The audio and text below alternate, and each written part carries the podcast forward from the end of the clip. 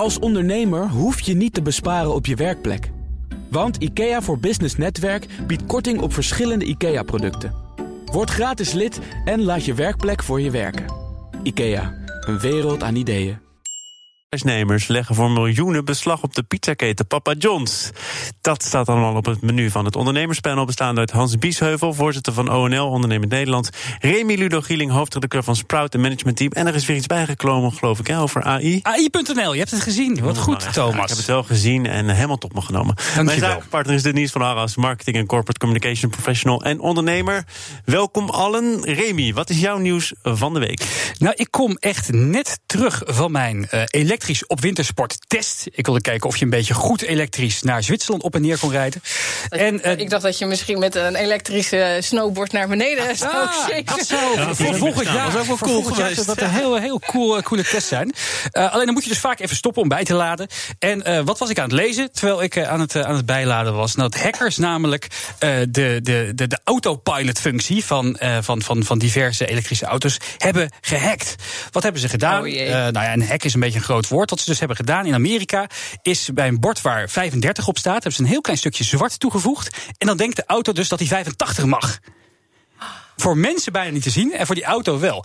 Ehm, Ging jij nog veilig verder? ik, ik heb toch wel weer aangezet. Ik, heb er nog, ik had er ge- genoeg vertrouwen in. Maar ik vond het wel een. eh, een, een, eh, een het is natuurlijk wel zorgwekkend dat je op zo'n makkelijke manier die eh camerasystemen van die auto's kan foppen. Ja, het is zorgwekkend en tegelijkertijd val ik niet helemaal van mijn stoel. Al was het maar omdat er hier geen stoel staat voor mij. Maar goed, snap je wat ik bedoel? Het- ja, ik denk, er is gewoon heel veel te hacken. En soms hoeft daar niet een enorme, geweldige Nee, stratege klopt. aan te pas te komen. En, ge- en gelukkig waren dit nog een beetje ethische hackers. eh, en hebben ze er, gaan ze goed Zei mee ze om. daarna, het bordje daarna was grappen, een schapje. Sorry. U heeft wel een boete. Ja, maar sta jij ervan te precies. kijken of niet? Nee, nee, het is natuurlijk duidelijk. eh, eh, eh, Wij Alles gaan wordt toch veel meer van hè, dit soort, dit soort gevallen zien. Ja. Eh, maar dit was een hele praktische eerste, eerste stap in het hacken van eh, zelfrijdende auto's. En hoe is je experiment verder verlopen, nu je toch bezig bent? Ik ben na 15 uur eh, best, best uitgerust, lekker aangekomen. Ja. Ik had een audioboekje opgezet. Dus eh, ja, 15 uur. ja dat, dat was En het eh, wel. hoe lang had je er anders over gedaan? Winterberg eh, Twaalf. Nee, het was Zwitserland ergens. Even ergens eh, een dorp heet Bruggen. Dus normaal gesproken zou je er ook iets van 12 uur over doen. Hans, acceptabel verschil? Nou ja, je moet ergens beginnen, toch? Ik vind het, het valt me best mee. Nou, het kwam ook ja. dat, dat, dat de, de, de auto eh, dacht op een gegeven moment mij via een sluipweg te kunnen sturen. Maar die weg is eigenlijk in de winter ondoorgaanbaar. Dus ik zat op een gegeven moment op een soort ijsplateau met een afgrond naast. Was een hele Jeetje. spannende reis. Dat is eigenlijk een survival toch een beetje. Ja, Ja, de vakantie moest nog beginnen. het is, eh, het is een wonder dat je hier nog staat. Hans Biesheuvel, hoe spannend is jouw nieuws?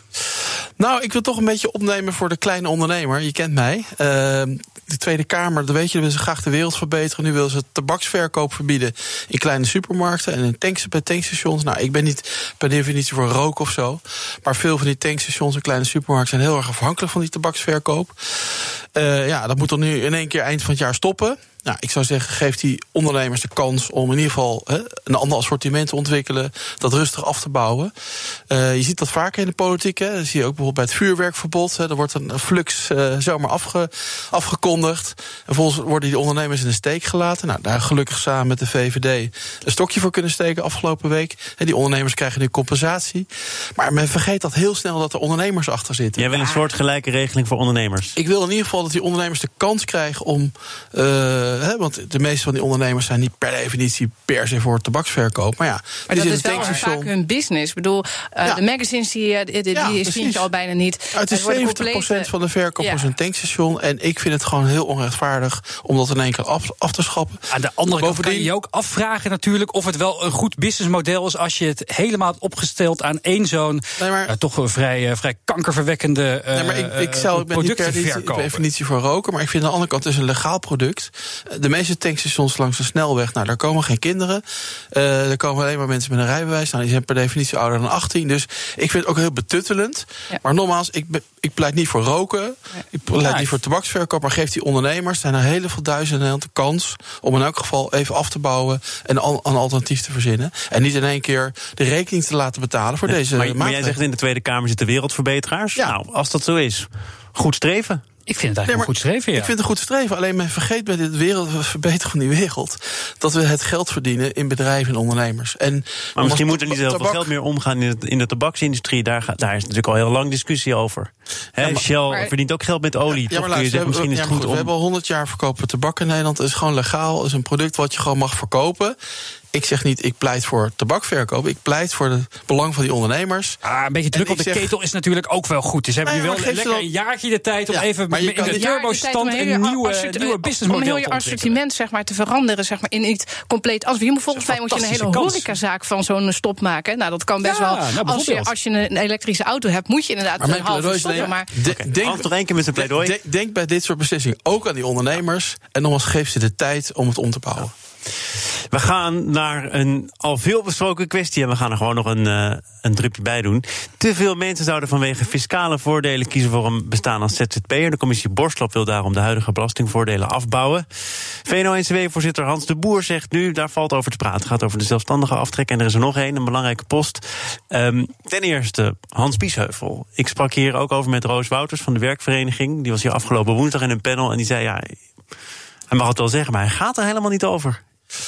Ja, helemaal met Roos eens. Hè. Het is toch wel bijzonder dat een man die staat voor uh, nou ja, de Ralf Hamersen van deze wereld. Uh, uh, nou, die dan voor de multinationals die graag die dividendbelasting niet meer wilden betalen. Hij dan uitgerekend gaat roepen: schaf dit af. Ik zou zeggen, hou je mond erover. Je gaat er helemaal niet over. Nou, is Hans de Boer wel goed in slecht akkoord afsluiten? Hè? Want het, het pensioenakkoord is ook een, een bijzonder slecht akkoord. De wet DBA was een slecht akkoord. Dus ik zou zeggen, nou, tijd voor pensioen, denk ik, voor deze meneer. Over vier vier maanden, dan stopt uh, hij als nou, voorzitter van VNO Gelukkig maar, want ik denk dat het echt mooi geweest is voor hem. Komen jullie elkaar nog wel eens tegen of niet? Nou ja, Den Haag is klein, hè, dus je kan elkaar niet zo bij goed de, bij, bij, de lokale Starbucks. maar even, even, wat hij, even wat hij zegt. Hè? Ja, maar even, even serieus. Kijk, wij zijn hard bezig geweest, ook met Borslap. We hebben uh, veel met de heer Borslap ook gesproken. Kijk, hij heeft natuurlijk een kern. Als je naar de analyse van de Nederlandse arbeidsmarkt kijkt... dan zijn er een aantal zaken die gewoon niet goed gaan. En we moeten dat alleen in een goede verhoudingen met elkaar gaan brengen... in een goede balans gaan brengen met elkaar. Maar eenzijdig zeggen, nou, schaf die zelfstandige aftrek maar af... dat betekent voor heel veel kleine ondernemers het einde. En wat de fout die de heer De Boer ook weer maakt, is dat hij denkt dat iedere ondernemer een ZZP'er is of andersom. Maar er zit natuurlijk ontzettend veel onderscheid in. Uh, wij pleiten... Als je afhankelijk bent van een fiscale regeling, dan klopt dus eigenlijk zijn aanname dat je alleen maar ondernemer ja, maar, kunt zijn ja, maar, vanwege die regeling. Ja, maar Thomas, dat is zo'n kort door de bocht redenering dat je afhankelijk bent van een fiscale regeling. Maar jij zegt regeling. tegen mij, ze redden het niet zonder die aftrek. Nee, maar kijk, die fiscale regeling is ooit er gekomen om mensen uh, één te stimuleren om ondernemer te worden en twee te zorgen dat als je ondernemer wordt en je dus geen recht hebt op bijstand en allerlei andere voorzieningen, dat je zelf een aantal dingen kan regelen. Nou, er zijn heel veel mensen die zijn tegenwoordig gebruik gaan maken van die zelfstandige afregeling. Uh, en je kan je afvragen of dat altijd nog zo uh, passend is, zeg maar.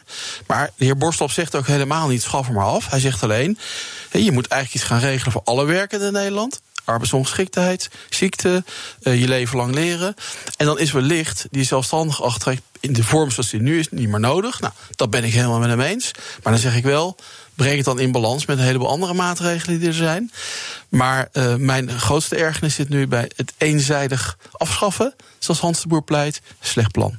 Ja, nou die, die, die, die, die heer Borstlap die is geboren in 1946 en die is volgens mij in de tussentijd in een soort Tweede Wereldoorlog bunker blijven zitten en heeft een totaal onrealistisch beeld van de huidige arbeidsmarkt. Ik ken namelijk werkelijk waar geen enkele ZZP'er die dat is geworden om die belastingvoordelen. Ja, weet je, alles wat je, wat je meekrijgt, ja, maar meegenomen. natuurlijk. Nee. Die mensen willen gewoon lekker, lekker vrijheid en zelf keuze kunnen maken wanneer ze aan het Het zal ongetwijfeld voor een belangrijke groep gelden. Niet voor iedereen. Voor jou ook waarschijnlijk, Thomas? Ook voor mij. Ja, dus. Maar uh, ik moet wel zeggen, ik doe dat maar even via de radio. Omdat ik de allerlei wetten, commissies en eventuele nieuwe voorstellen uh, hier ook elke keer moet bespreken. Ga ik binnenkort wel eens even nadenken of dit nog wel voor mij houdbaar is. Maar dat kan toch niet zijn dat al, door alleen die fiscale regelingen?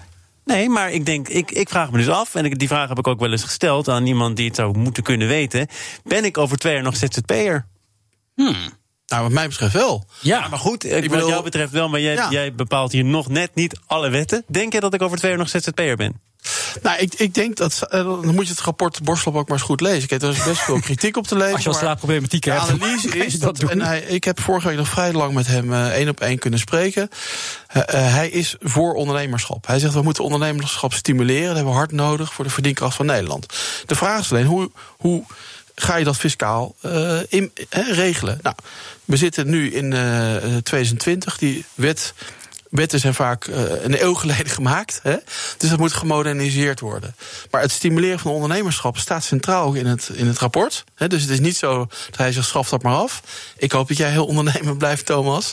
En, dat en, dat, en dat het fiscaal zo geregeld is dat je dat ook kan blijven doen. Ja, goed. En er moet ook wel iets geregeld worden voor wat pensioenen en, en, en inderdaad arbeidsongeschiktheid. Prima. Ja. Maar laat mensen die, uh, die uh, het gewoon heel prettig vinden om zelfstandig hun eigen werkleven in te vullen, laat die dat ook nou, nou alsjeblieft zegt, doen. Hans de Boer zegt dat hij onder andere wil toetsen op kapitaalgoederen. Ja, dan komt hij met raar, mensen. Maar, maar, we zitten in de kenniseconomie, hè? Dus ik bedoel, we zitten in de kenniseconomie. Innovatie en tech en alles. Deelplatform ah, in de cloud. Don't shoot a messenger, ja. Ja, ik bedoel, kapitaalgoederen. Ja, maar daar, daar, daar, daar kan je dus uit opmaken dat hij dus weinig meer uit Den Haag komt en vooral in die Malitoren zit. En geen idee heeft hoe het in Nederland op dit moment toegaat. We zijn een kenniseconomie. Kennis is ons, een van onze belangrijkste uh, nou, assets, zeg maar, in Nederland, om een vervelend woord te gebruiken. Ja, die man dus is over een paar maanden met pensioen. Die zit gewoon lekker ja, te, de volgende reisje uit te stippelen. Ja. Wat, is, wat is er precies uh, gebeurd met jullie eigen pakket? Want dat hebben jullie volgens mij rond die presentatie van het rapport aangeboden aan de minister. Zeker. Wat is ermee gebeurd? Nou, daar is heel veel mee gebeurd. Uh, we hebben het niet alleen aan hem aangeboden, maar ook aan heel veel Kamerleden. Uh, ik heb daarom ook met de heer Borslop veel contact gehad. Uh, ik durf te zeggen dat veel van onze ideeën zijn teruggekomen in, in het rapport Borslop. Uh, ik vind op het punt van de ZZP'ers dat dat onvoldoende gelukt is. wij gaan over meer dan ZZP, weet je. Ook over werkgeverschap. En ik wil, vind eigenlijk, het werkgeverschap moet ontlast worden. moet weer aantrekkelijker worden om werkgever te zijn. Nou, daar begint het rapport Borslop mee. Dus dat hebben we wel binnengehaald. Zit alleen nu wel met de uitwerking. Hoe gaat zo meteen de politiek ja. om met de uitwerking van al die maatregelen? Dat gaat allemaal blijken in verkiezingsprogramma's. En dan wordt er nog weer gesproken om tot een coalitie te komen. En dan weet je nou het wel zo ongeveer. Dan wordt het erg verwaterd. Zeker. Nou ja, goed. Kijk, wij hebben nu op dit moment de komende weken met bijna alle politieke partijen een afspraak in de agenda staan. met de partijprogrammacommissies, met de verkiezingsprogrammacommissies. Want natuurlijk gaan we daar ook ons plan aanbieden. Uh, Borslop is een rapport. Er zijn andere rapporten. Wij hebben ons plan. Nou, we moeten zorgen dat er ieder geval de goede punten terugkomen straks bij die verkiezingsprogramma's. En dan gaan we bij de formatie zorgen dat we goed aan tafel zitten. Zaken doen.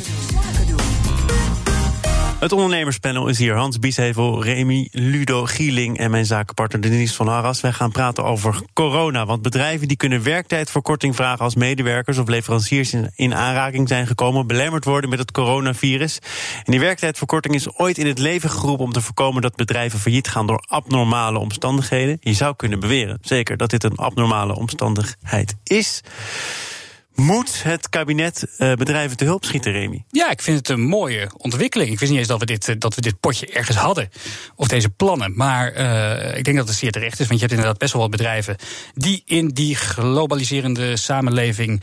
Uh, heel veel zaken doen met Aziatische landen. en waar nu inderdaad fabrieken van stil liggen. of geen goederen krijgen. Net nieuwe oordopjes van Apple. Ja, nou, dat, dat was een godswonder. Want die dingen bij Apple zelf kan je ze pas volgende maand weer krijgen. Omdat ze de, de, gewoon tekorten waren. Dus ik had gelukkig nog ergens op. Het schijnt dat je bij bol.com wel alles kunnen, eh, kan eh, bestellen nog. En dat zij geen problemen hebben met, uh, met leveranciers. Want ze hebben heel veel in eigen voorraad. Dus.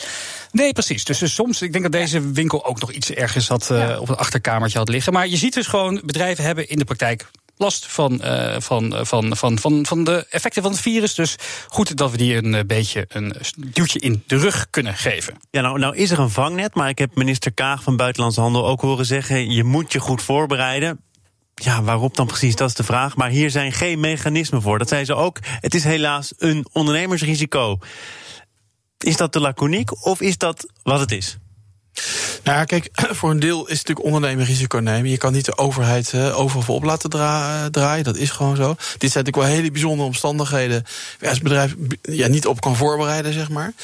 Ik ben blij dus ook dat die regeling er is. Tegelijkertijd zeg ik wel, het toont dus aan hoe afhankelijk we eigenlijk van China zijn geworden.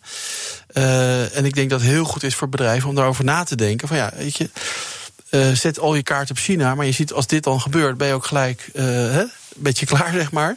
Dus ik denk ook wel goed voor Nederland is er een wake-up call is. Dat we niet helemaal uit moeten leveren aan ja, buitenlandse hè, productie. Of, of zeker niet zomaar aan China. En ik denk dat heel veel bedrijven dat ook wel doen. Op het achterhoofd krabbelen van hé hey jongens. Hè.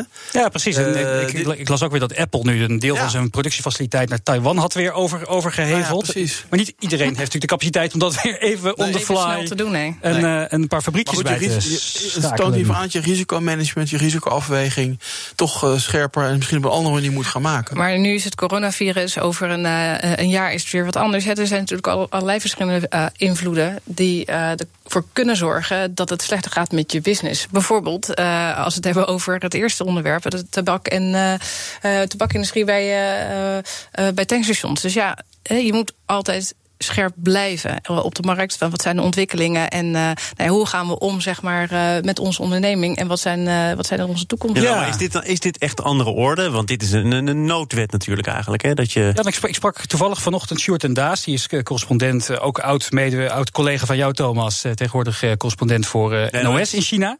en die zei ook tegen me van, ja, het, het is echt het is echt gekkenhuis, want het hele, het hele daar openbare leven ligt gewoon stil. Waar het vroeger de straten super druk waren, je hebt het vast gezien op het nieuws. Ja. Uh, komt gewoon bijna niemand meer buiten, tenzij om nog eventjes naar de, naar de, uh, naar de supermarkt te gaan. Dus ja, dit is wel echt een grote uh, bijzonderheid. Ja. Buiten het menselijk leed natuurlijk. Denken jullie inderdaad dat, dat dit een, een druppel zal zijn? Hans, je zei het al, maar de directeur van Evo Venedex die was hier gisteren, Bart-Jan Koopman. En die zei ook, we kijken al anders naar China. Kijk maar naar de Nederlandse China-strategie. Europa, handelsoorlogen met Trump. Nu dit erbij. Gaat dat bepaalde zaken uh, in een stroomversnelling brengen? Bijvoorbeeld dus die afhankelijkheid van China afbouwen? Daar ben, ik, daar ben ik wel van overtuigd. Uh, ik heb zelf ook veel in China gedaan uh, de afgelopen twintig jaar. Wij hadden in 2009 al, uh, we zijn in begin 2000 echt ook als een gek naar China gegaan. Dachten, nou, dat is het beloofde land, zeg maar, economisch. Maar dat is het toch ook? Ja, Wat is de reden dat al die bedrijven in China zitten? Jawel, maar goed, wij zijn vanaf 2009 al begonnen om toch ook meer naar Oost-Europa te brengen qua productie en op andere plekken in de wereld. Om toch meer he, je risico te spreiden.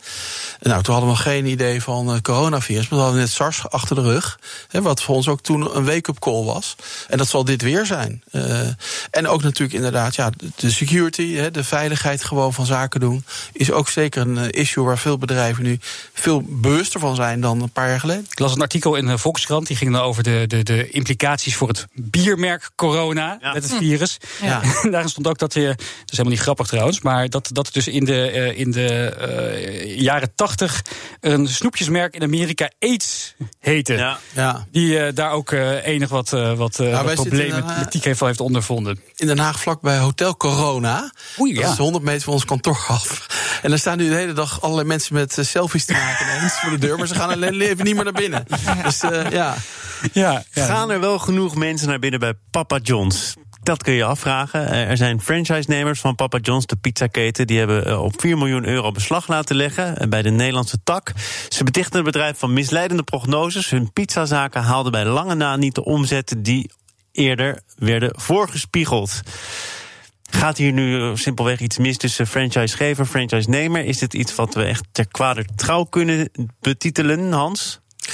Nou, het klinkt niet heel lekker. Hè? Je krijgt toch het gevoel van een, een of andere agressieve Amerikaanse club die even hè, de, de, de, markt opgewalst is. Er is natuurlijk heel veel te doen geweest de laatste jaren over die franchise-formule, uh, franchise-wet. En nog steeds.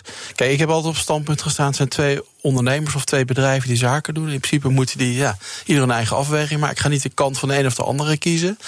Maar goed, ook in, in het kader van de franchisewet van uh, Mona Keizer hebben wij steeds gezegd: ja, wel heel belangrijk dat in die pre-contractuele fase, dat je dat, daar een aantal hele duidelijke eisen aan stelt. Ik vind zo'n franchisegever moet gewoon eerlijke marktinformatie geven, eerlijk inzicht geven in de omzetkansen, in marge, dat soort dingen. Ja, als dan uiteindelijk een franchise-nemer zijn handtekening onderzet, ja, dan is, zeg ik, dan is het. Maar wat jij zegt, eigenlijk de normaalste zaak van de wereld. Dat je openheid geeft over wat er verdiend kan worden en hoe de situatie er op dat dit moment Dat ben ik eens, maar dat is ook in 96% van de gevallen is dat zo. Ik vertel net aan Remy, ik heb zaken gedaan met Gamma, om maar zo te noemen, Nederland, en Praxis. Heel veel uh, franchise. Nou, die franchise-nemers zijn dik tevreden. Die verdienen meer bij spreken dan de franchisegever. Dus het gaat heel vaak goed, maar er zijn een paar gevallen waar het niet goed gaat. Nou, prima dat het aan de orde komt, dat het naar boven komt. Nou, en ik denk dat die wet van Mona daar uh, nog weer een heel stuk uh, op inspeelt. Om dat nou ja, naar bijna nul te brengen. Want ik denk dat, dat daar ligt namelijk die pre-contractuele fase wel helder in uh, verankerd. Volgens mij was het in dit geval van Pep Jones dat dat dat ze een hele hoge, of een hele positieve omzetprognose hadden en ontzettend eh, hoge inkoopkosten. Klopt. Dus daar, eh, Ja, daar en als je dan, nou- eh, dat, nou eh, als je dan eh, te laat betaalde, dan werd er voor met 30% rente of zo. maar dan, dan kill je je eigen franchise-nemer. Het is niet, ja, het is, is ook een hele korte termijn strategie. Ja, ja. Maar goed, wat ze deden is natuurlijk was van ja, ze rekenen een soort startgeld. Dat incasseerden ze. Nou, dan ging de winkel down en dan verkochten ze de, de winkel weer aan de volgende. En incasseerden ze weer Ja. startgeld. Ja, dat is niet de manier zoals we het. Via een vrij praktijk. opportunistische Ja, manier van ondernemerschap voeren. Klopt. En het is inderdaad een, een, een, een, een pizzaketen die in Amerika al redelijk groot was. En waarschijnlijk gewoon de opdracht heeft gekregen van zorg maar gewoon dat je binnen een jaar eh, heel Nederland hebt volgepland met, die, eh, met, die, met, die, met die pizza winkeltjes op de hoek.